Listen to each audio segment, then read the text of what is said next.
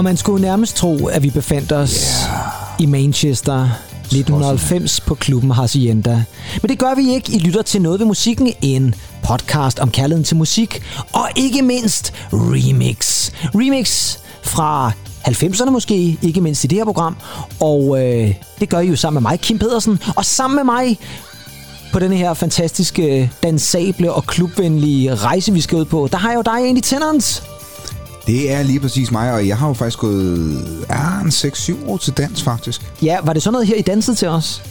Eller var det lige... Ja, det, det kunne det. Ja, hvad, hvad, hvad svinger vi den max op på? Det var måske noget Lambarda eller et eller andet, ikke? Ja, der er ikke meget Lambarda over det her, vil jeg sige. Nej, det, kan, det må jeg ikke sige. Nej, det I lytter til her, det er jo Happy Mondays. Mm. Og øh, dem af jer, der var skarpe, lagde måske mærke til, at vi startede med det, som i virkeligheden er den rigtige version af nummeret. Nemlig et nummer, hvor de har gæst af Kirsty McCall, hende der sangerinden. Og som er sådan lidt mere rocket. Men så er der den her.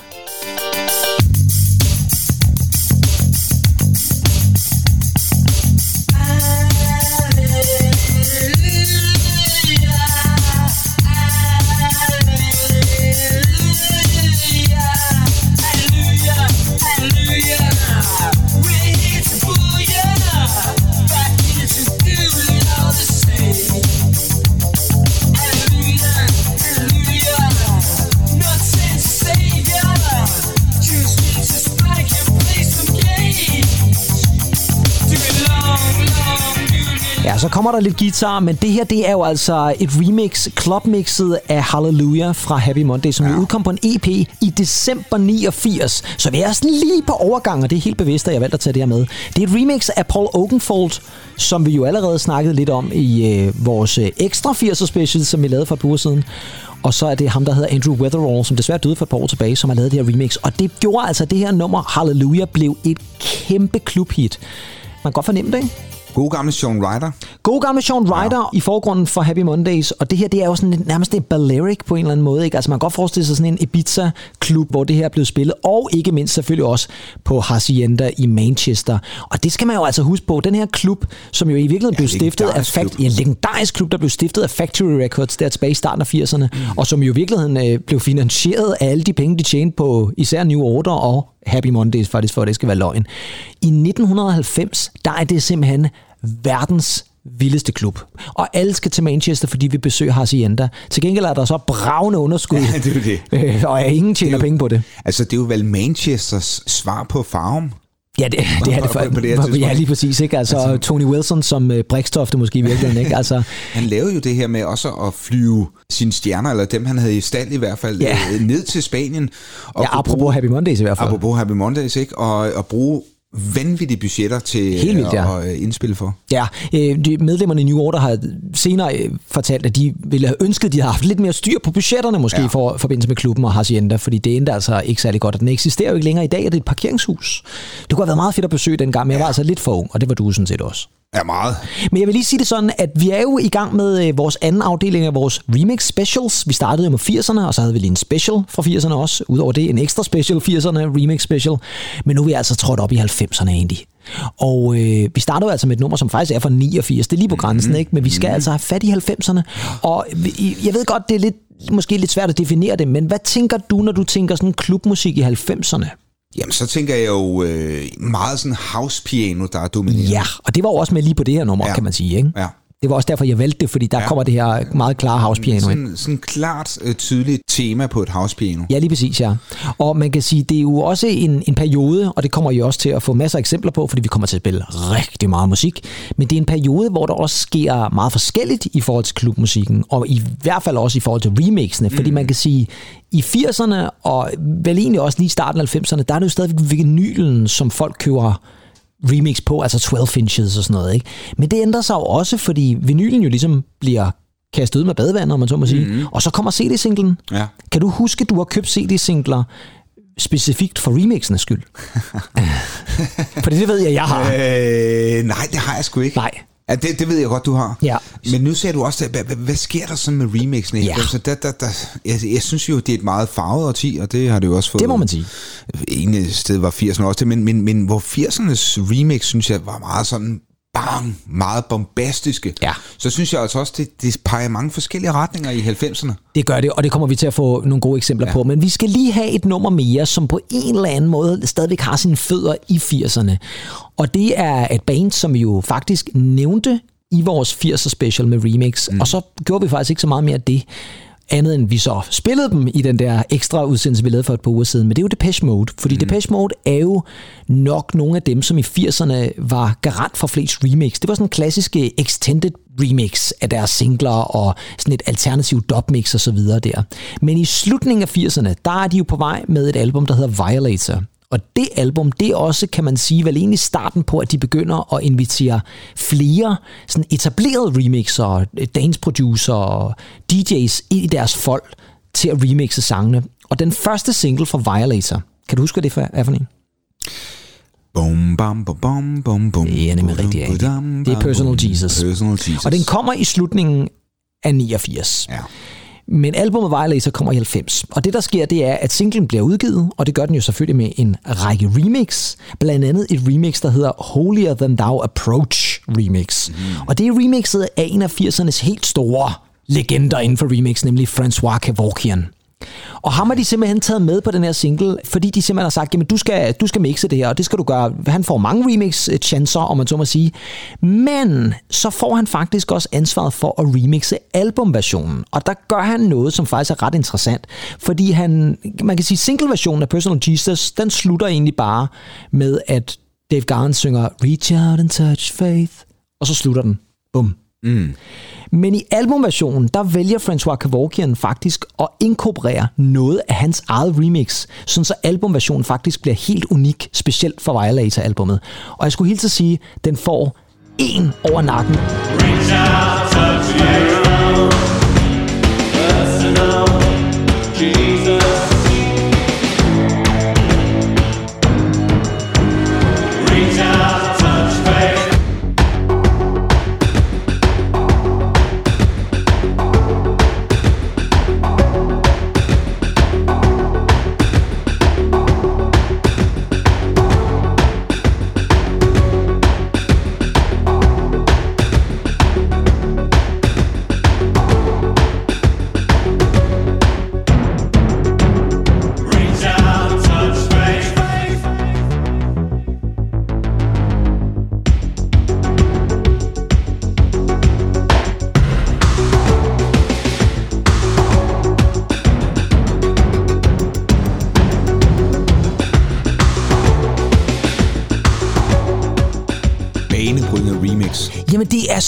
Sindssygt fedt, det her. Men kan du ikke også høre den her, der, der er mere fløjlesblødt over det? Jo, og så... Jamen, det vil sige, og så synes jeg altså bare, det er en fed måde at afslutte albu- Ja, er albumversionen på, det der med, at så går vi sgu bare over, og så bliver vi totalt klubbet ja. et eller andet sted, ikke? Altså, Jo, men alting får også plads. alting på plads. Det gør det, og, og, og, og, og der er der er noget fedt i den måde, den ligesom udvikler sig mm. på, ikke? Fordi man kunne godt have lagt en masse andre vokalsamples ind, men de holder den bare lige Ja. til det minimale, og så får den ellers bare øh, en over disken der, om man så må sige. Men François Kevorkian var jo også kendt for at lave nogle, nogle ret geniale remix, og ja, det her er jo i virkeligheden ikke et remix, men albumversionen. Og det er jo igen også et eksempel på, at jamen, kan albumversionen også være et remix i sig selv? Ja, det kan Ja, den jo altså ja, så her ja, i virkeligheden. ja, ikke? Så øh, en rigtig, rigtig fed albumversion, han får lavet der. Det var også bare lige sådan, så at vores lytter, for der var nogen, der havde efterlyst Depeche Mode sidste gang, og sagde, hvorfor har I ikke snakket om Depeche Mode? Her var de så, mine damer og herrer. Ja. Depeche Mode, Personal. Jesus. Ja, ja, og albumet Violator er jo også et, et fremragende elektronisk øh, værk, synes jeg. Ja. Men vi skal jo også videre med vores øh, remix gennemgang, og øh, nu skal vi have fat i remix, som er et legendarisk remix, lad os sige det sådan. For en af de ting, vi faktisk kommer til at kigge rigtig meget på, det er også der, hvor remixene faktisk går hen og bliver store hits. Ikke bare sådan nogle, der er gemt væk på en 12'er eller en CD-single, eller noget, man hører på klubberne. Det her, det er simpelthen sange, som er remix, men som faktisk også røg på radiobølgerne, altså som blev spillet i radioen og bliver anset for at være kæmpestore hits. Right. Og det første, vi skal have fat i, det starter faktisk sit liv helt tilbage i starten af 80'erne, for der er der en kvinde, der går ind på en restaurant i New York. Mm. Hun sætter sig ned, hun bestiller en kop kaffe, og så sidder hun og kigger lidt rundt i restauranten og øh, observerer lidt, hvad der sker. Og øh, det bliver til et lille digt. Og det digt, det figurerer på hendes andet album, som udkommer i midten af 80'erne.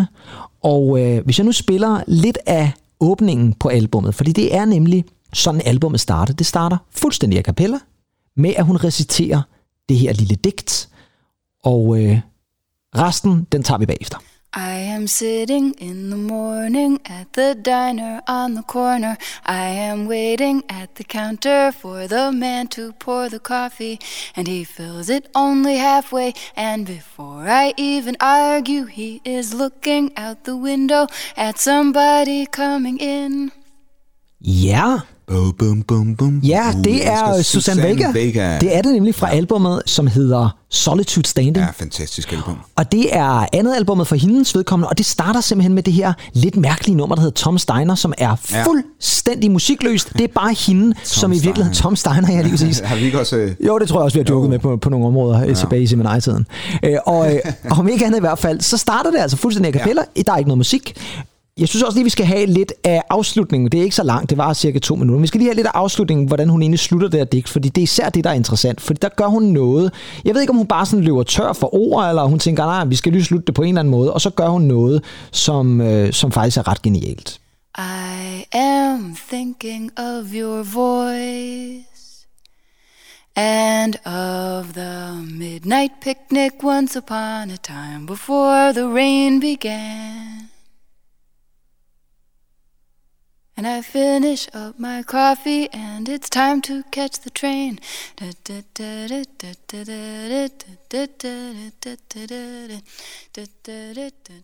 Jeg ved ikke, om hun improviserer her. Nærmest sådan et, øh, som man indspiller på en, en memo eller et eller andet Ja, lige præcis. Ikke? Ja, det er lidt som om, at hun tænker, "Nå, men der er et eller andet over det her, men jeg synger bare... da, da, da, da, da." Og, og det var der så to britter, som øh, ja, på en eller anden måde har lyttet til albumet med Susanne Vega. Det kan jeg godt forstå, for det var også der, hvor hendes store hit Luca var på, som er ja, fremragende nummer i øvrigt. Og Marlene on the Wall, tror Ja, jeg det også. mener jeg faktisk også, at det er på det album, ja. ja. Om ikke andet i hvert fald, de her to britiske gutter, de vælger altså simpelthen at sige, at det her, det, sgu, det her, det kan et eller andet. Kan vi vide, om vi kan gøre noget ved det her nummer? Og øh, det, de så gør, det er, at de øh, tager beatet fra et nummer med Soul to Soul, hvis du kan huske dem. Ja. Det var dem, der sang Back to Life. Og så tænker de, kan vi gøre noget med den her a cappella, som øh, den kære Susan Vega har leveret? Og så laver vi simpelthen et slags uofficielt remix. Og så bruger de blandt andet det her da, da, da, da, til et slags hook i sangen, så det faktisk er det, der faktisk bliver temaet i sangen, i stedet for, at det bare er hende, der ligesom reciterer det her digt. Og øh, Nick Batts og Neil Slateford, som de hedder, de her to gutter, de øh, har deres projekt, der hedder DNA, og hermed så kommer remixet selvfølgelig til at hedde The DNA Remix. Og hvis nogen af jer skulle have glemt det, så lyder det selvfølgelig sådan her.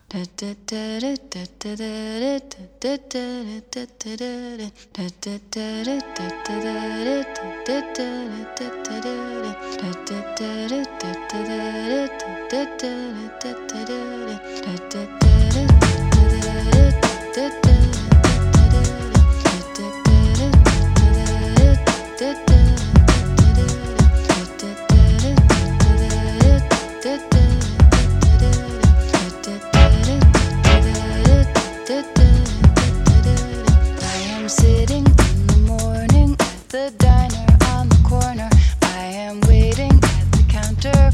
the man to pour the coffee, and he fills it only halfway.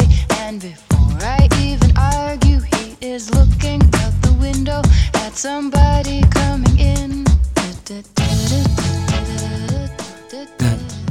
Jamen, det er, fe- det er fantastisk. at, at man bruger det der som tema. Det er helt vildt fedt. Ja, det er så godt super, tænkt. Super det er fedt. så godt tænkt. Ja. Og det var oprindeligt et nummer, som de så havde lavet, og så øh, var det lavet som et bootleg. Og så hørte pladselskabet der og tænkte, mm, der, der er noget potentiale i det her. Så øh, sendte de det til Susanne Vega, og hun synes, det var fantastisk. Og så blev det simpelthen udsendt som en single, som hendes single, kan man sige, et remix, altså DNA-remixet. Den gik nummer to i England, den her. Fantastisk. Og nummer fem i USA. Hvilket altså er Billboard-charten i USA. Og, og, og, altså, Tom Steiner var jo ikke... Øh... Ja, det er fantastisk, ikke? Ja, det er suverænt.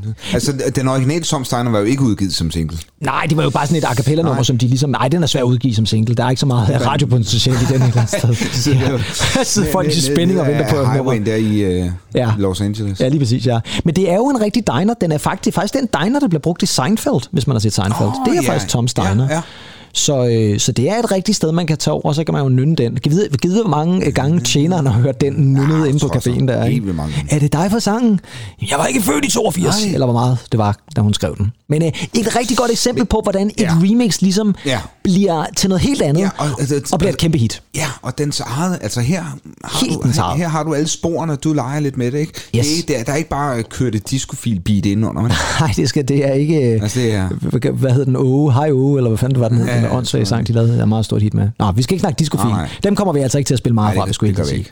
Til gengæld kommer vi til at spille noget fra en herre nu, som er vel en af verdens bedste sangere. Det tror jeg godt, vi kan sige. Han er desværre ikke i live længere, men øh, han var vel en af verdens... Hvem synes du egentlig, hvem tænker, tror du, jeg tænker på Uh, egentlig? ja. Hvis jeg nu siger en af verdens bedste sangere, Ja, altså, når, jeg tænker, når du siger en af verdens bedste sanger, så, så tænker du garanteret sådan en, der er skolet sanger. Ja, det ved jeg faktisk ikke helt. Nej, nej, det gør det sgu nok ikke. Øh, jeg vil sige Pavarotti. Ja, det er... Altså, det- fordi han det- blev nemlig mixet af... Nej, det gør han altså ikke. Nej, jeg tænker oh. Freddie Mercury. Selvfølgelig, ja. Fordi i 1985, der udsendte han faktisk sit eneste soloalbum. Sådan en rigtig soloalbum. Og det hed Mr. Bad Guy. Sådan en rigtig god titel. Det er også en rigtig Freddie Mercury-titel, hvis du spørger mig. Ja. Men Mr. Bad Guy udkom, og det var ikke helt lige så populært, som det, han havde lavet med Queen. Nej. Men øh, det var ellers på trods af, at der var en single fra det album, fra 85, som øh, starter i bedste Freddie Mercury-stil på den her måde.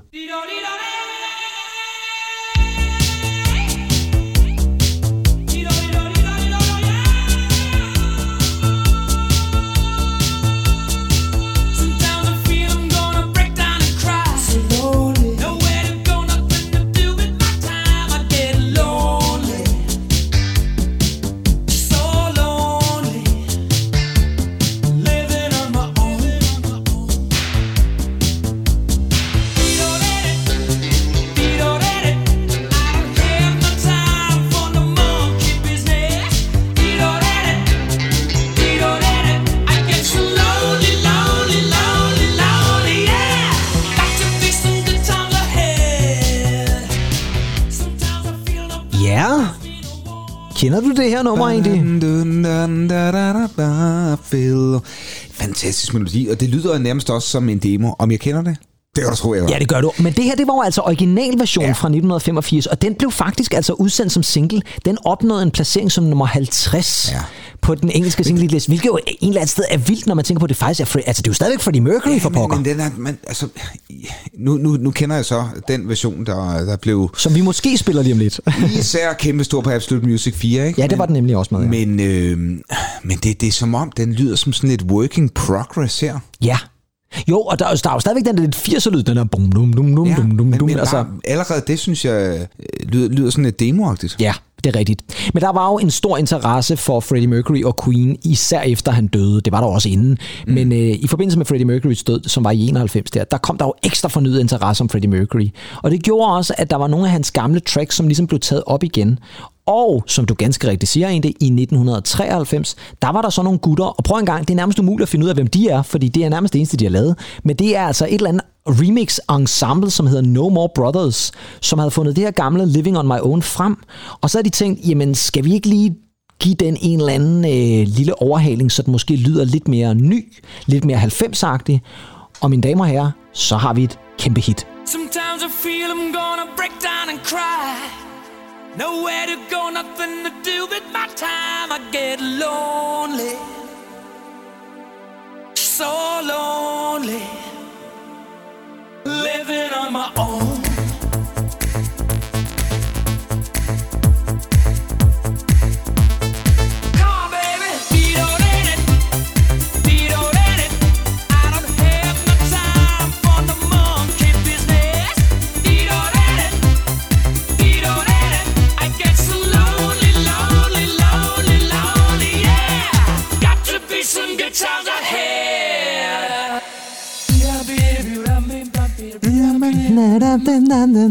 Den har også en lidt, lidt, lidt Queen-effekter med, faktisk.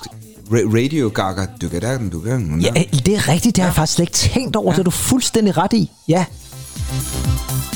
Lidt, lidt, lidt, lidt. Ja, og faktisk lidt uh, The Never Ending Story faktisk også, når jeg tænker med lige meget måske. Never ending. Ja. Ja. ja. Hvad hedder det så? Men det er fuldstændig rigtigt. Øh, Det her, det var jo altså et kæmpe, kæmpe, kæmpe stort hit. Det gjorde jo lige pludselig, at sangen gik ind som nummer et på Mm. øh, den engelske hitliste. Det var et kæmpe stort hit også i de skandinaviske lande og i Tyskland og så videre. Ikke? Kæmpe hit i også i Monstrup. Kæmpe hit i Monstrup også, er på, på lokaldiskoteket i Monstrup der. Men i hvert fald et, et nummer, som jo på en eller anden måde gjorde igen, at vi tager et eksisterende nummer, så giver vi den en, en ny forklædning, og så har vi altså lige pludselig et remix, som i virkeligheden bliver et hit. Tror du ikke også, Andy, at der er mange mennesker, som faktisk ikke er klar over, at det her det er et remix? Altså, ikke er klar over, at der var en øh, version fra 85 også? Men jeg anede ikke, at der var en vision fra 85 før Nej. for to minutter siden. for, for to minutter siden. Fordi det lyder jo ikke som et remix. Det lyder jo vidderligt som om, at der er nogen, der har fundet de her vokalspor og tænkt, hvordan kan vi lave et godt nummer ud af det? Og man kan jo også sige, da Queen så lavede det album, der hed Made in Heaven, der gjorde de jo lidt det samme. De tog nogle af de ting, som Freddie Mercury havde indspillet, og så lavede de sangene ud af det. Altså de tre tilbageværende medlemmer. Og det kunne man jo godt have tænkt, det var lidt det samme, der var sket her. Kald mig ung, kald mig naiv. Altså, kald mig, kald mig hvad du vil, kald mig kærlighed, kald mig det ene og det andet. Men naiviteten, den, den sad måske lidt i mig øh, i, i 93, fordi jeg, jeg tænkte, da jeg så det der, der kunne jeg sgu ikke få, få det til at passe, for jeg vidste, at manden var død. Ja. Så har han været i studiet? Hvad, hvad fanden skete der? Og, øh, jeg synes da ikke, der havde været nogen forlydende om, at han skulle have lavet det der. Øh, Nej. Så, så, så jeg anede ikke faktisk, at det var noget fra 85. Jeg kan især huske det med videoen, fordi videoen er sådan lidt sådan sort og hvid, sådan, hver gang han synger, men han synger jo teksten, så jeg kan også huske, at jeg tænkte på, det er da egentlig sjovt, at de har fået ham til at synge teksten, men han er Ja. død og sådan noget. Ikke? Altså, Ja, ja. Men øh, et kæmpe stort hit for Freddie Mercury, Living on My Own, og igen også en klassisk sådan Eurodance 90'er lyd, der Meget. også er over det et eller andet sted. Så det er sådan, øh. Lige præcis. Vi skal videre, og det skal vi øh, til en helt anden genre, fordi nu er der sikkert mange af jer, der tænker, jamen det er alt sammen klub, og det er altid en dance, og det er alt sammen sådan elektronisk musik. Ja, men i USA, der sker der også noget, fordi der har de også fundet ud af, at det der med remixene, det kan et eller andet. Og en af de aller, aller største sangerinder i 90'erne, og i virkeligheden i USA, det er Mariah Carey. Og øh, hvis man skulle have glemt, hvordan hun lyder af nu cirka 1995, jamen øh, så kan man jo bare tage et lyt på det nummer, som hun udsendte som single, som hedder Fantasy. Fordi den har lige præcis den der popkvalitet, som vi kender fra Mariah Carey, med små nyks af noget R&B, og måske også en lille duft, bare en lille duft, mm. af noget, der begynder at lyde lidt hiphop-agtigt. Uden at gå hele vejen over, fordi vi skal huske på Tommy Mottola, Uh, ja for ham, der er det popmusik. Det skal handle om popmusik. Ikke det der hiphop, det er alt for farligt. Men alligevel, ja, så sker der et eller andet. Men først, her er, hvordan Fantasy, som hendes single fra 95, oprindeligt lyder.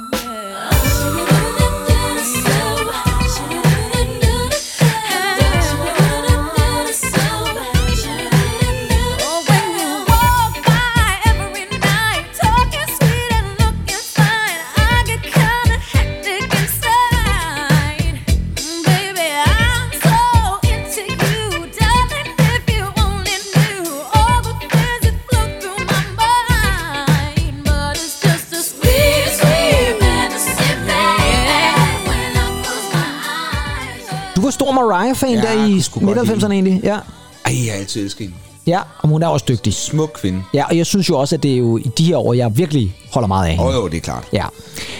Men der sker jo noget, fordi at på lige præcis det her nummer, der har Mariah Carey så fået den idé, at der skal et remix til, fordi det er jo sådan noget, der er populært. Og øh, der får hun fat i en af tidens hotteste nye producer skråstreg, ja, mixer kan vi vel også godt kalde ham lidt. Han hedder Puff Daddy. Sean Combs. Sean Combs, og hun får Fatty fat i Puff Daddy og siger, du skal gøre et eller andet med mit nummer. Og så gør han noget, som måske, jeg ved ikke om det er helt uventet, men han hiver det i hvert fald i en lidt anden retning. Oh,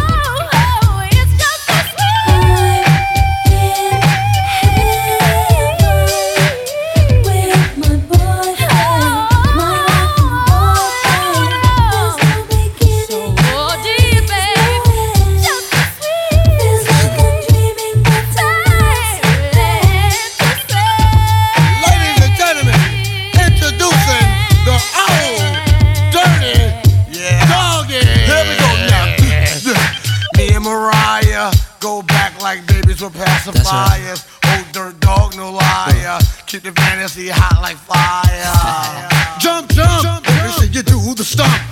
Big letters all big and bold. Bold, dirty bass, dirty bass glow. Ja, fordi han inviterede simpelthen uh, Wu-Tang Clan-legenden Old Dirty Bastard.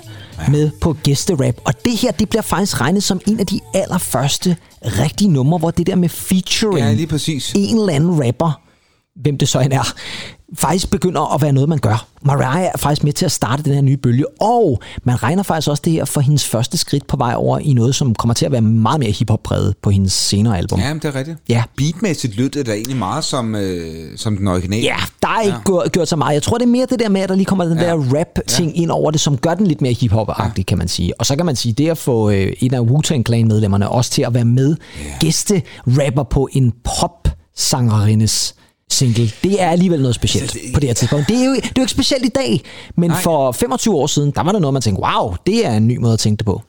Og min uforbeholdende mening, der må, der må jeg altså sige, øh, jeg, jeg kan sgu bedre lide originalen her, faktisk. Jamen, enig. Jeg, jeg, jeg synes, det giver et forrodet udtryk, det andet her. Jamen, jeg vil jo også sige, at det er jo nok også det, som jeg var lidt inde på lige før. En af grundene til, at jeg måske bedre kan lide det lidt tidligere Mariah Carey, er jo lige præcis, fordi hun jo stadigvæk har popsjælen. Jeg Ja. synes, der, hvor det, hvor det knækker lidt for mig, det er, når det begynder at blive lidt for meget hiphop-agtigt. Ja. Men det er med til at gøre, at Mariah Carey får et helt nyt publikum i USA. Og det her nummer, det bliver et gigantisk hit og en klar nummer etter på den amerikanske Billboard-chart. Måske ikke mindst fordi, at det jo også er i 95, at hiphoppen jo virkelig sådan Altså, rent kommercielt begynder ja, ja, at eksplodere med Tupac og Notorious B.I.G. og hvad der ellers kommer. Mm. Øh, hun rammer altså en zeitgeist, må man sige. Og igen, i form af et remix. Det hedder i øvrigt Bad Boy remixet. Ja, selvfølgelig. Ja. Selvfølgelig, det er lidt Bad Boy. Bad Boy Records. Bad Boy Records, som jo også var Sean Combs eller Puff Daddy's uh, record label. Lige præcis. Så skal vi til en lille quiz egentlig. Ja. Fordi nu skal vi med ud på den skole. Nu skal vi ud på den Er skole. der valgmuligheder? Det vil jeg ikke, det vil jeg ikke sige, om der er. Ej, okay. Det vil jeg ikke sige, der er. Ej, okay. Jeg tænker, du skal, du skal komme med dit bedste bud. Fordi Ja. i midten af 90'erne, der begynder der jo altså så også at komme en masse nye sådan, dance-projekter og dance-grupper. Og en af de grupper, som dukker op der sådan i midt-90'erne, omkring 93, det er en gruppe, der hedder The Dust Brothers. Mm-hmm. Kender du dem? The Dust Brothers. Nej, nej. Nej, det siger der ikke noget. Jeg skal starte med at sige, mm, Ja, mm, ja, dem Kender jeg udmærket godt. Ja, ja. Nej, Nej. nej, den kender du ikke rigtig, nej. The Dust Brothers. De er, bliver sådan en uh, house DJ's uh, der i 94 på den klub, der hedder Heavenly Sunday Social Club, som er i London. Mm-hmm. Og det er sådan et uh, hangaround sted for store navne som Paul Weller. Ja, ja. ham der Paul Weller, ja. Ja. ja. James Dean Bradfield. Jo, Uh, Noel Gallagher. Ja tak. Og Tim Burgess fra The Charlatans. Hørt. Yes. De hænger ud det her sted, og de her house DJ's, uh, The Dust Brothers, de er meget populære, og de er helt vilde. Altså, Noel Gallagher går op og siger til dem, Hey, for fanden, jeg har skrevet sådan et Balearic-nummer, kan I ikke remix det? Jeg ved ikke, hvor, hvor, hvornår Noel Gallagher nogensinde har skrevet et Balearic-nummer. Ved jeg ikke. det slet ikke, men, uh, men det har han efter sine sagt, ja. Og Dust Brothers bliver altså større og større og større, men så er der lige et problem, og det er, at der har tidligere været nogen, der hed The Dust Brothers. Jeg skulle lige til at sige det. Yes. Ja, nu så de vælger, godt, hvor de vælger at ændre deres navn. Ja. Og det gør de til blandt andet inspireret af et øh, lille mærkeligt nummer, de har lavet på et tidspunkt, som hedder Chemical Beats. Ja. Og pludselig så er Dust Brothers blevet til The Chemical Brothers. Og i 1995, der udsender de deres debutalbum, der hedder Exit Planet Dust, som også er et godt navn. Og anden singlen for det album, det er faktisk et samarbejde med Tim Burgess fra The Charlatans. Og der skal laves nogle remix til det her fremragende single, den hedder jo Life is Sweet. Og øh, det er jo også på et tidspunkt, hvor remixene har udviklet sig lidt egentlig, fordi hvor vi i 80'erne snakkede lidt om sidste gang, det der med, at det er et extended mix, og man må gerne beholde mm. noget fra mixet, så det lyder lidt som originalen, og alligevel ikke lidt. Vi hørte det også med Mariah Carey lige før. Mm. Men i 90'erne, der begynder remixer altså også at være helt deres egen stil. Du kan sagtens have et remix af et, af et nummer, som overhovedet ikke lyder som det oprindelige nummer. Du kan nærmest ikke høre, det har noget med det rigtige nummer at gøre. Ja. Og i det her tilfælde, der er det faktisk lidt derhen, vi er. Det, du skal svare mig på egentlig, for nu kommer spørgsmålet. Mm. Hvem er det, som The Chemical Brothers har fået til at remixe deres anden single fra Exit Planet Dust, som altså hedder Life is Sweet. Nu kan du prøve at høre lidt af det, så må du komme et bud.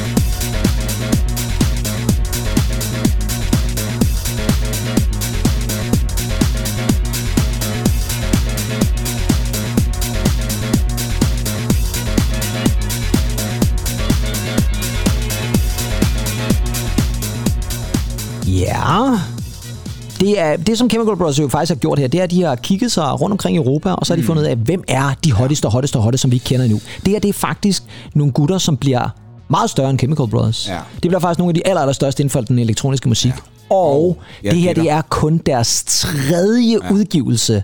Det er, faktisk, gætte. det er faktisk, inden de udgiver noget under eget navn egentlig. Så hvem er det? Ja, det, det lyder også meget som Daft Punk. Det er Daft Punk. Ja.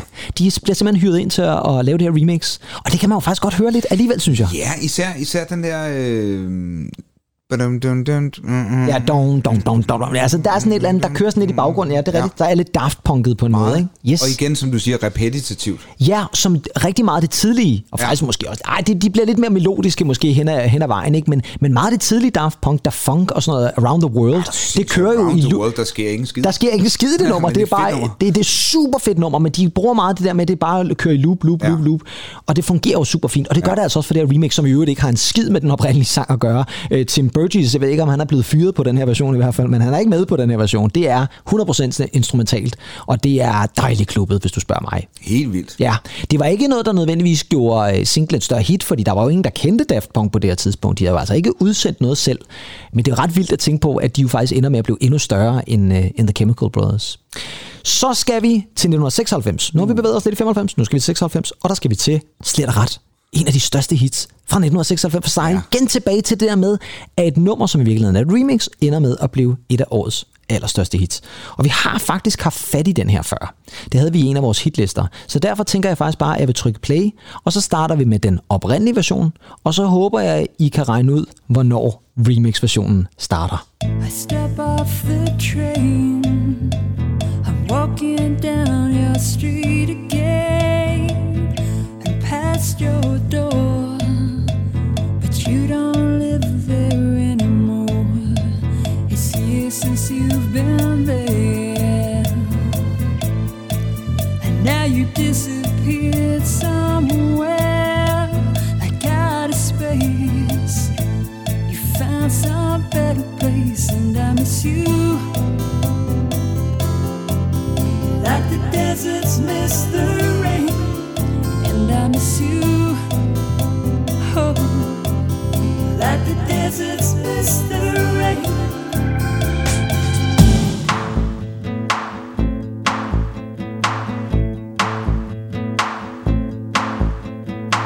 I step off the train.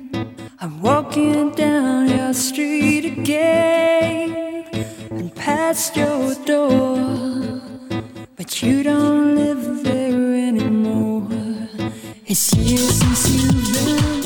Og så skal jeg da love for, at vi kommer ud på klubben igen der, var. Jamen, det er altså et vidunderligt nummer. Og det her, det er jo, hvis man... Når, af- I, jamen, når jeg læser, jamen, når jeg, jamen, når jeg læser sådan lister over de bedste remix nogensinde, mm. så er den her altid på listen. Ja. Det er jo, det er jo banebrydende, fordi Ja, han trækker det i en helt anden retning.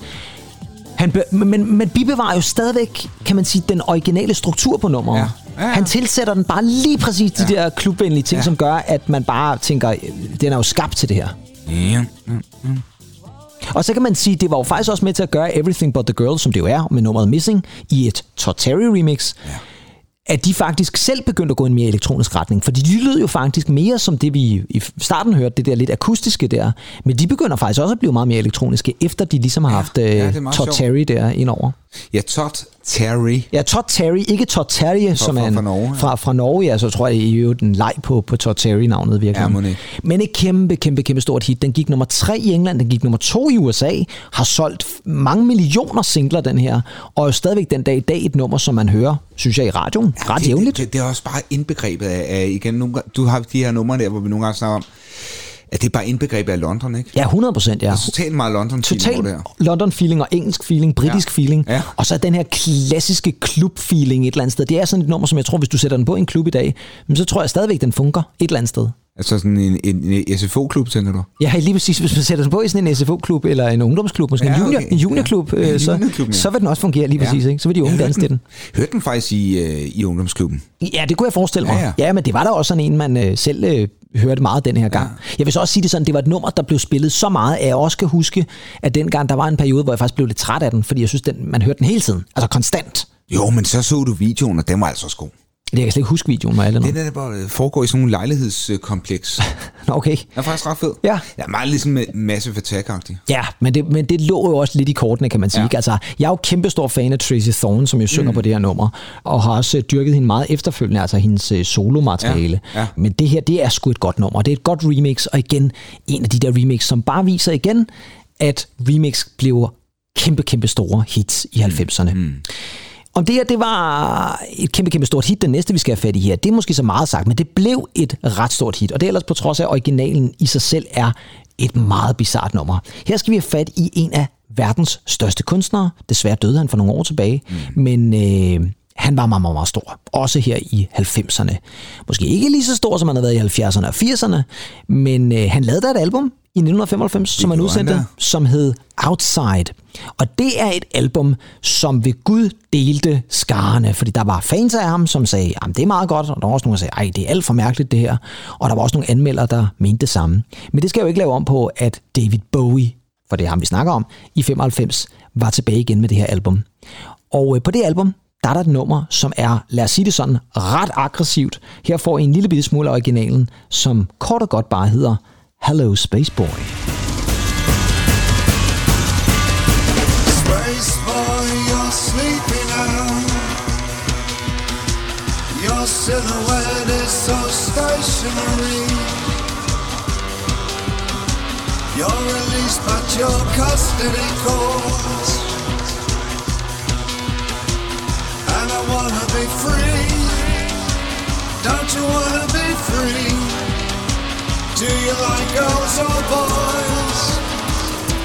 It's confusing these days, but moon dust will cover you, cover you. This chaos is killing me. En af de ting, der altid fascinerer mig rigtig meget ved det her nummer, som er rimelig voldsomt, det er, at David Bowie på et eller andet tidspunkt har tænkt, jamen det her, det skal være en single. Ej, det er vildt nok, ikke? Og det er rimelig sindssygt, at man vælger at sige, jamen det der, det har singlepotentiale. Altså, Jo, der, der, der er også noget... Ba, ba, ba, ba. jo, men det er meget melodisk, Ja, jo, men, meget. men det er også meget aggressivt. Du sindssygt, og Altså- det stikker i mange retninger. Jo, og det lyder sådan lidt nærmest lidt Nine Inch Nails-agtigt på, ja, på, ja, på, på synes mange helt, det er områder. Trent Reznor, ja. Det er meget Trent Reznor, ja. Om ikke andet, David Bowie øh, besluttede, at det her det skulle altså være et single-nummer. Og til en single, ja, der hører selvfølgelig remix. Og øh, der øh, mente han altså, at nogle af dem, som han gerne ville have til at remixe, det var Pet Shop Boys. Og det er en, øh, lad os sige det sådan, ret besværlig opgave, fordi det her nummer er jo ikke særlig single-struktureret. Så de øh, gør det, at Neil Tennant, som er forsanger, han vælger at sige, at det kræver et andet vers. Der, der mangler et andet vers i det her nummer. Mm. Så han øh, tager nogle øh, gamle passager fra Space Oddities og cutter dem lidt op, og så laver han sit eget vers, og så synger han det. Og så ringer han til David Bowie på et tidspunkt og siger, nu skal du høre en gang, David, vi har øh, gjort sådan, at vi har taget det her gamle, du kan- huske de gamle hit Space Oddities, og så har jeg taget noget lyrik for den, du ved det der med Major Tom, og så tænker jeg, skal Major Tom ikke være med her, og så er det Hello Space Boy, så det bliver meget forvirrende, og så er der helt stillhed i den anden ende af telefonen. Og så siger David Bowie, ej, jeg må jo heller lige komme forbi pladestudiet her, ikke? Jeg må lige ned og se, hvad, hvad jeg har gang i Hvad, her. hvad, hvad sker der? Hvad foregår der? Så kommer han ned, og så spiller Neil og Chris øh, deres remix for ham, og så tænker han, jamen det der, det er jo genialt. Og så siger Neil, jamen det er fint, men jeg har jo lige, jeg har lige sunget det der stykke der, så hvis du lige gider at synge det ind, og så siger han, nej, nej, nej, jeg skal ikke synge noget som helst. Der holder vi din vokal. Og lige pludselig, så er Hello Space Boy gået fra at være en David Bowie-sang til et remix, til en collaboration, og øh, det bliver faktisk et pænt stort hit i 96. But moon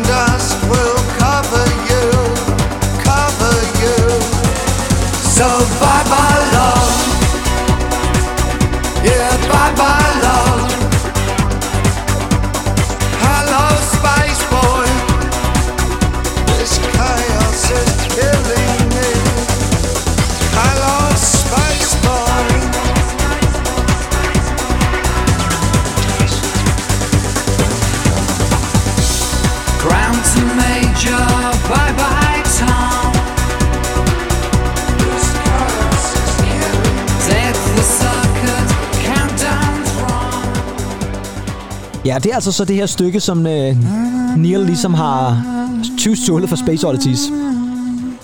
Og det er jo sjovt, for lige pludselig så har det jo en helt anden lyd. Det er meget mere radiovenligt. Det er jo lige pludselig sådan fået lidt single potential i virkeligheden. Og så synes jeg jo bare, at deres stemmer, altså det fungerer bare. Ja, helt sikkert. De spillede den sammen til Brit Awards i 96, da David Bowie fik sådan en ærespris. Og øh, det, fungerer, det fungerede også ret fint at se begge parter på scenen. Det skal jo lige sige, at Neil Tennant var kæmpe David Bowie-fan, så det må også have været en ret stor ære for ham at få lov til at ja, både remixe, men faktisk også ind med at lave et nummer sammen med David Bowie. Mm-hmm. Men et kæmpe stort hit, og så en lille sjov uh, tidbit. Ja, fantastisk. Ved du hvem... Øh, musik, der var selvfølgelig en musikvideo til, og ved du hvem, der har den som sin yndlingsmusikvideo? Meget underligt. Ja, det er fremragende. Der går det også hen og bliver lidt aller originalen, ikke? Nej, ved du, hvem der har den som øh, favoritmusikvideo? Nej, nej. Det er Holger Bæk. Du ved ham der, Nå, øh, ja, atomfysikeren vores, øh, der. Bæk Nielsen. Ja, lige præcis. Han har engang udtalt i, øh, jeg kan huske, det var sådan et, et tillæg til Chili, det der gamle Ja, ja, ja, ja. Øh, ungdomsmagasin. Der, der var sådan en ja. CD med med Roskilde Festival, og så var, var Holger Bæk, der snakkede om et eller andet mærkeligt. Og så lige pludselig, og her er Holger Bæks yndlingsmusikvideo. Og så kom den her. Meget overraskende. Jamen, selvfølgelig er det noget med space, ikke? Ja, lige præcis. Ikke? Det ligger, jeg tænker også, det var det, der lå i det. Men øh, et Jeg kæmpe... forestille mig også, ham går amok til, til, til Shop Boys. Ja, eller David Bowie måske virkelig også. Ja, ja. men især Shop Boys. Ja, det kunne godt, må- måske i virkeligheden, ja, til en eller anden øh, stor koncert et eller andet sted. Er du tosset? Traf- Du kunne måske være ham. Var, det ham, var det ham, der var i springvandet måske? Ja. Det lagde vi faktisk ikke med. Det kunne have været ham. På Trafalgar Square. Ja. ja. Det ville have været vildt, hvis det var ham. Nå, vi skal videre, og det skal vi med Ja. et nummer, som også virkelig har fået en anden forklædning. Hvor godt kender du Tori Amos? Uh, der fangede jeg dig. Ja, ja, jo, altså, jeg, jeg ved jo, hun er, øhm, hun er meget dygtig pianist. Det er hun. Amerikansk singer-songwriter, ikke, øh, pianist, ja. ja. ja. Var meget populær i 90'erne. Og øh, i 1996, der laver hun et nummer, der hedder Professional Widow, som er taget fra hendes album, som hedder Boys for Pelé. Øh, altså, jeg ja, ved ikke, om det er så ja. fodboldspillere, vi snakker om det. Men det tænker jeg også, det er. Der laver hun altså det her nummer, Professional Widow, og jeg synes, det her lyder lidt Alanis Morissette-agtigt, så må mm. du korrigere mig, hvis, hvis jeg tager fejl. Men det her, det er altså originalen.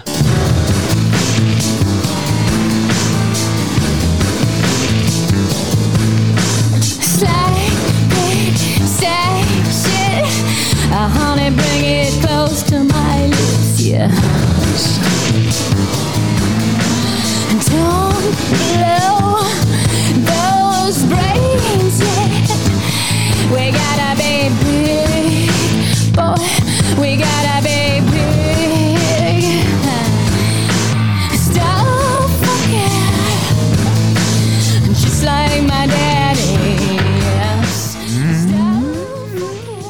Sådan en sjov en, fordi hun er jo, som du selv siger, med klaver meget af de tidligere, ja. hun lavede, det var meget klaverbaseret. Det her det er mere rocket, vil jeg sige.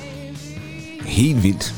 Og, og totalt meget Alanis Ja, Morissette. rigtig meget. Jeg ved heller ikke, om hun er blevet lidt inspireret. Det album kom vel i 95, Jacket Little Pill, Ja, gjorde det ikke? gjorde det, jo, så, jo. Og det her fra 96, så hun kunne jo godt være blevet lidt, lidt Alanis-inspireret. Men det her det er altså Tori Amos og singlen Professional Widow. Og hvordan gør man så, hvis man skal remixe den? Ja, det må guderne vide. Og øh, jeg ved ikke, om han er Gud. Det er så meget sagt. Hun bliver ved. jeg ved ikke, om han er Gud. Ja, det går helt amok i baggrunden. Jeg ved ikke, om, hun, om han er Gud, men øh, han gjorde i hvert fald et forsøg på at få noget rigtig, rigtig anderledes ud af det her nummer. Og det var især lige det- i starten, da hun begyndte at synge. Det er faktisk der, han bare har taget et enkelt vokalsample, og så bruger han det bare igen og igen. Manden hedder Armand van Helden, og det her remix, det gik nummer et i England. Hold nu godt fest.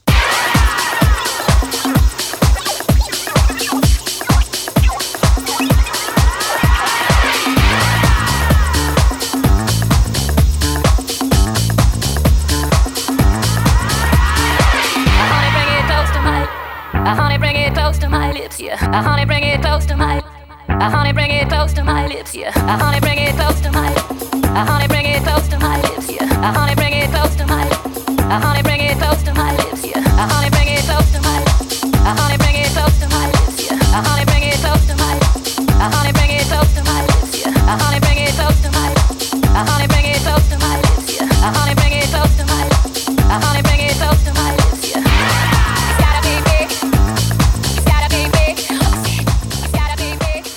Der sker ikke så meget andet i det her nummer. Og det er lige præcis de to vokalbider, som han bruger for nummeret. Men jeg kan tydeligt huske det der. Det var et kæmpe stort Ja, hit. sindssygt, mand. Og det er jo og vildt, du, og fordi- du sagde jo inden, hold nu godt fest.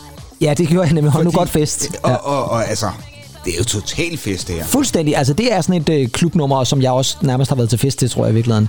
Og det sjove er faktisk, at, at man kan overhovedet ikke genkende originalen. Altså, medmindre man lytter rigtig godt efter det der lille vokalbid der, så er der jo ikke meget af Ja, ja, originalen nej, tilbage. nej. Og det fungerer stadigvæk rigtig, rigtig godt. Og det var altså et rigtig, rigtig stort remix-hit. Meget stramt styret, det må- skal jeg lige love for. Et, bevis på, at Tori Amos, som altså på det her tidspunkt er, har fundet sin indre Alanis Morissette, altså også lige pludselig kan omskoles til at være klub-agtig, om man så må sige. Og så er vi nået til 98, og der er vi ja. måske nået til en af de allerbedst sælgende remix nogensinde. Og det er fordi, at det her remix, jeg ved ikke, om det kan noget specielt, men det blev et gigantisk hit. Og det blev så stort et hit, at jeg tror, der var mange, der nærmest har glemt, hvordan originalen lyder. Og for at blive mindet om det, jamen så tager vi da lige lidt originalen. Og, og det er et nummer, som jo øh, lyder lidt lyder lidt som sådan Ja, ja, gammel 80'er. Ikke? Det er fra 84, og øh, er en af, ja, vel en af de første store hip-hop rap-grupper, nemlig Run DMC Uh, og ja. It's Like That.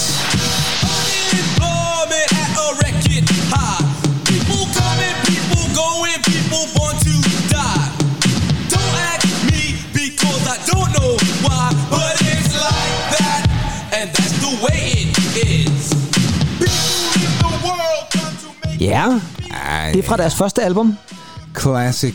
Classic. Det var der en øh, amerikansk producer og remixer, klubmand, som mm-hmm. hed Jason Nevin, som også ja. tænkte, det der nummer, det er super fedt, men vi kan gøre det endnu bedre. Og så skete der det i 1998, at så udgav han sammen med Run DMC, fordi de er krediteret som Run DMC versus Jason Nevins, der udsendte de så It's Like That igen. And it goes a little something like this.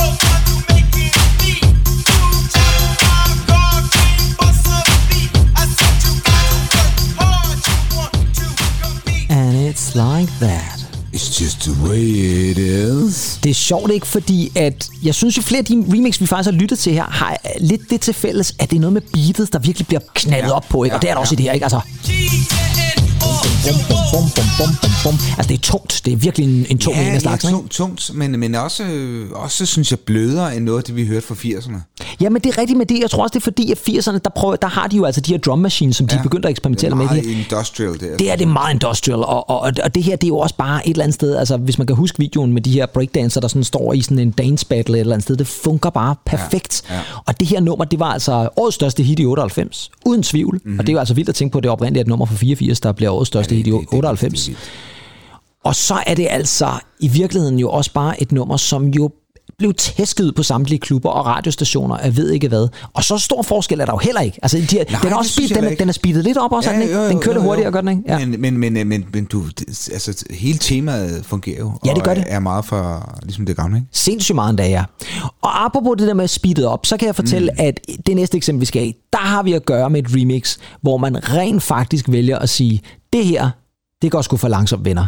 Der er vi nødt til at komme op i et andet tempo.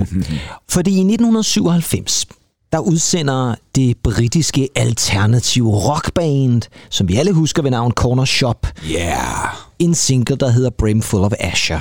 Den bliver ikke et besynderligt stort hit. Den går ind som nummer 60 på den engelske single hit. Det er altså ikke det, man betegner som værende et hit. Ej, det kan man ikke sige. Nej. Jeg ved ikke, om det er på grund af nummeret. Altså, jeg synes faktisk, nummeret er meget hyggeligt. Og øh, bare lige sådan for at sætte stemningen på, så får I her den oprindelige, altså nummer 60 singlen her mm-hmm. fra Brim, Full of Asher og Corner Shop.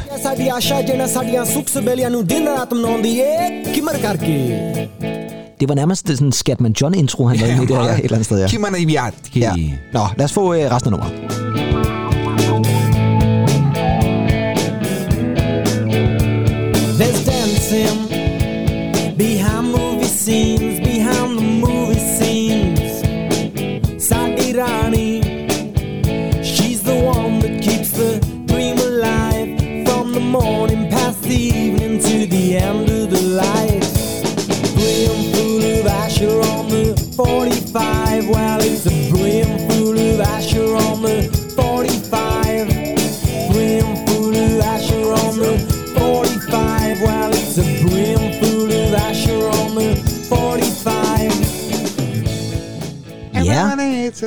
Ja, det kommer så senere.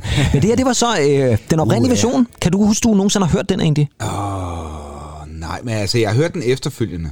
Ja. Yeah. Men, men, men det er jo klart, at, at der er en anden version, der er noget mere, øh, noget mere kendt. Jeg vil lige sige, snakker han ikke om noget med dancing? Jo, and dancing. Ja. Jo. Altså, det- og det her, det er jo lige præcis... Ja, Det er en slow, en slow dance, vil det jeg er sige. meget, meget, meget, det er jo det er en slow fox, vil jeg sige. Slow Fox i hvert fald, ja. Øh, Og det er måske apropos det, vi skal også skal snakke lidt om. Fordi ja. der sker jo så det, at det her nummer, der er noget potentiale, det synes jeg godt, man kan fornemme, mm. men det går lidt langsomt, som vi også sagde lige før. Ja. Så, hvad gør man så? Jamen, man får en mand ved navn Norman Cook til lige at tage fat i det her nummer og sige, kan vi gøre noget ved det? Og Norman Cook, han er jo også kendt under et andet navn, nemlig hans kunstnernavn. Og hermed er der så lige pludselig født et hit, fordi året efter, i 1998, så kommer Corner Shop tilbage igen med Brimful of Asher, denne gang i et Fatboy Slim remix.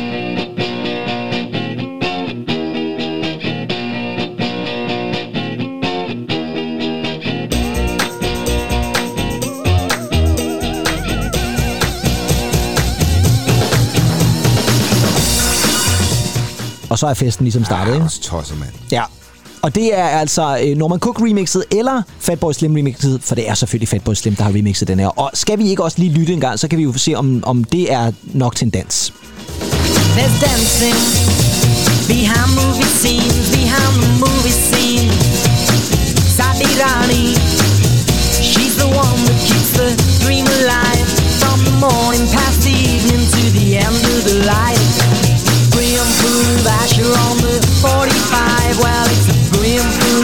Brimful of Asher on the 45. Brimful of Asher on the 45. Well, it's a brimful of Asher on the 45. And dancing. And dancing. Au, ja, ja, så bliver der danset. Nu bliver der altså virkelig gået til den, ikke? Jo, og det er altså fra nummer 60 Ja. til nummer 1, fordi den her gik fantastisk. selvfølgelig nummer 1 i Det er jo England. fantastisk. Og det er jo altså det, som et remix kan gøre, hvis man får de rigtige mennesker ind over remixet. Og Fatboy Slim var jo kæmpestor der i 97-98. Og jeg ved ikke, om det selvfølgelig har noget med det at gøre. Det har det nok også, men det her, det er altså også bare et fantastisk godt remix. Det fungerer det, bare. Det, det, er, det er helt vildt. Og igen øh, bevarer den jo øh, meget for, for originalen, ikke? Jo, det synes jeg. Øh, men, men, men speedet op, det får også guitarlyden til at være, blive anderledes. Og, og så er det her øh, rigtig 798 beat, der ligger. Ja, ja, ja, og så elsker jeg bare, at det faktisk også, man kan godt høre, at det er Fatboy Slim. Der er nogle sådan Ja, Fatboy Slimske meget, ja, lyde ind ja. over det også, som, som er ret fede. Og det, Så- bliver, det bliver også sådan lidt orientalsk på en eller anden måde. Ja, det bliver, ja, og det var originalen et eller andet sted også, men den bibevarer Ja, ja, men- det orientalske, synes jeg. Ja, men måske endda mere orientalsk. Ja, måske lidt. Der er det der, som Ja. er sådan lidt orientalsk lydende i hvert fald, ja. Ja. ja. Men et kæmpe stort hit, og altså en af 98's aller, aller største hits. I 98, der kommer der så også en film. Fordi nu skal det handle lidt om film. Vi var i vores movie special, vi havde med uh, Most Wanted Movie Hits, snakkede vi lidt om det der med, hvordan en filmsang nogle gange kan gøre, at en film bliver mere populær, men også omvendt, at det, at en sang bliver brugt i en film, gør, at sangen bliver populær, og filmen måske ikke bliver så populær. Og her der har vi altså at gøre med en film, som gør et nummer meget populært. Og øh, det er selvfølgelig et remix, vi snakker om. Andy, hvor, hvor velbevandret er du i Marvel-universet? Ah, det, det er noget, jeg blevet mere og mere velbevandret i inden for de senere år. Ja, jeg tror, det er fordi du har unge mennesker i familien derhjemme. Ja, det, det tror jeg faktisk. Ja. Jeg har unge mennesker. Du er unge, ja, ja, ja. Jeg har i hvert fald en søn, som er helt Ja. ja. vild med Thanos og Venom. Og... Ja, lige præcis, ja. Marvel-karakter, Ja, er. ja, ja, altså skurkene, men ingen, og så Spider-Man og Bat. Nej, Batman er jo ikke Nej, han er. DC. Han er Ja, DC han er. DC. Nå, men øh, det, grund til, at jeg spørger om det, er nemlig fordi, at inden alt det her Marvel-film startede der i nullerne med Iron Man, og ja, Spider-Man kom så på også, og så videre, ikke? Men, men alle de der klassiske øh, Avengers-film og sådan nogle ting, Mhm. mm-hmm. så var der jo faktisk en film i 98, så var en Marvel-film, og det var faktisk en af de første rigtige Marvel-film, der blev et stort hit. I den film, der er der en åbningsscene, hvor at hovedrolleindhaveren, ham der spillede hovedrollen i den. Ja. jeg er meget vævende lige nu, kan du godt høre, Ja, det er fantastisk. Ja, han øh, havde en idé til, hvordan den her åbningsscene skulle starte, og lige præcis, hvilken musik, der skal bruges. Og der er altså tale om et remix, som oprindeligt er fra 1995, men som altså får, eller bliver kendt igennem åbningsscenen i den her film. Og nu, mine damer og herrer, nu kommer så med jeg... Ej, jeg synes, vi har haft rigtig mange gode remix i den her udsendelse. Men her kommer måske et af højdepunkterne. Det her, det er et af mine yndlingsremix. Ja. Og det er på trods af, at den egentlig ikke opfylder særlig mange af karaktererne for, hvad et godt remix er, fordi den har nærmest absolut ingenting med originalen at gøre. Originalen, som i øvrigt er fra 1983. Og alligevel, så er det her et fuldstændig banebrydende, groundbreaking og vidunderligt fantastisk mm. remix. Og jeg vil love jer for, at det her, det har fået folk på klubberne med 100% sikkerhed.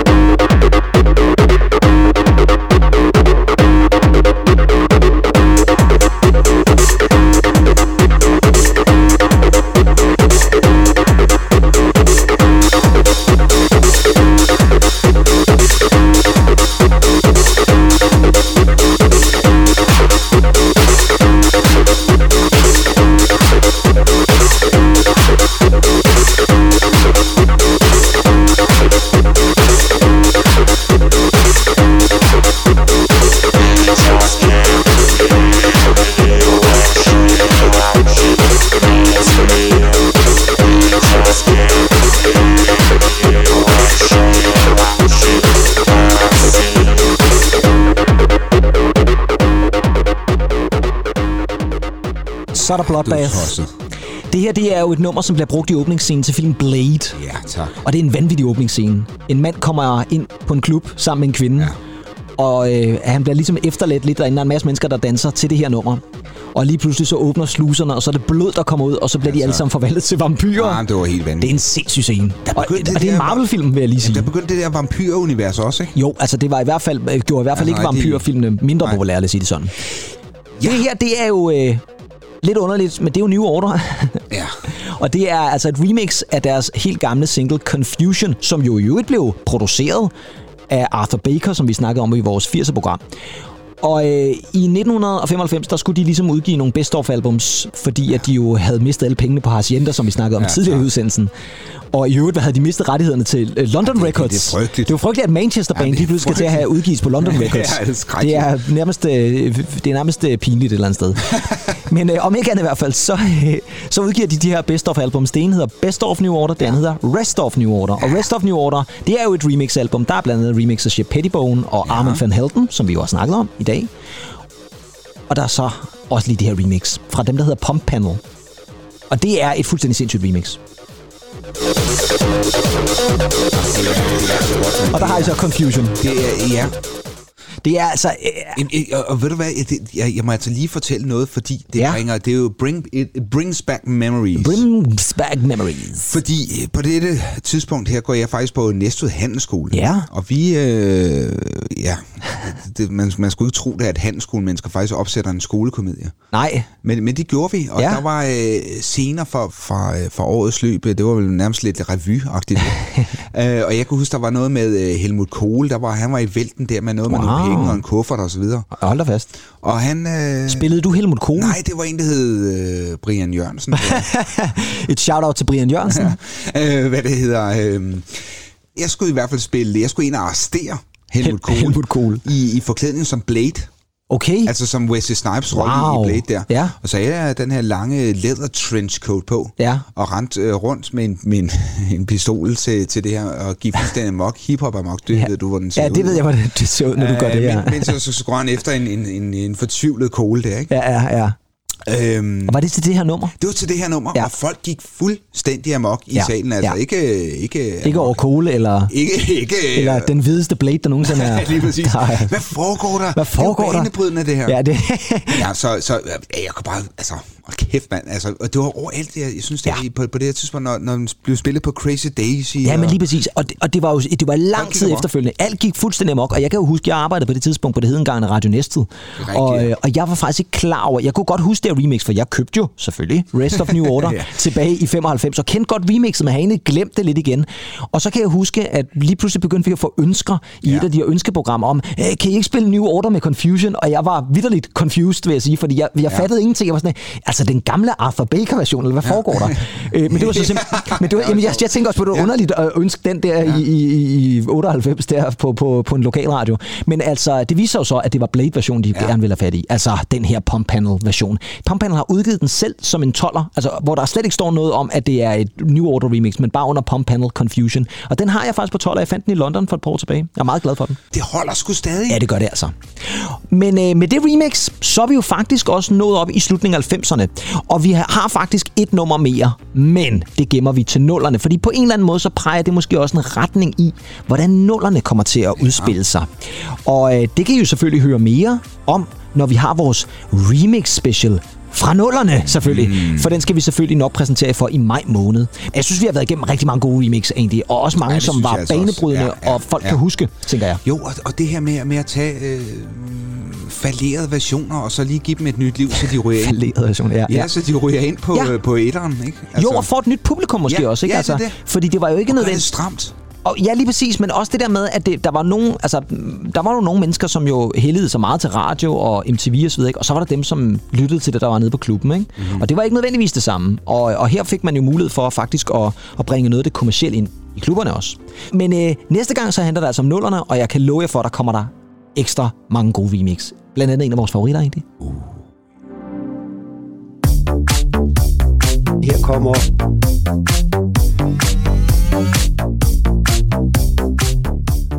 Og indtil vi høres ved igen, det gør vi jo i det næste uge, hvor vi også snart skal på noget påskeferie, men der kommer altså stadigvæk noget ved musikken, bare rolig. Ja, ja. Men indtil da, så øh, have det rigtig godt, pas på jer selv, lyt til rigtig meget musik. I har været i selskab med mig, Kim Pedersen, Und Antitannant. Og vi er noget ved musikken, og det håber vi jo et eller andet sted også, vi kan blive ved med at være. Måske i samarbejde med jer. Ha' det rigtig godt, indtil vi snakkes ved. Hej hej. Bye, bye.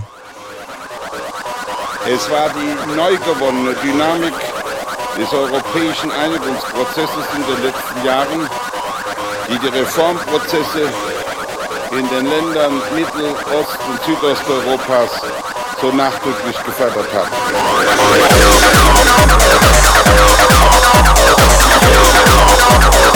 Musik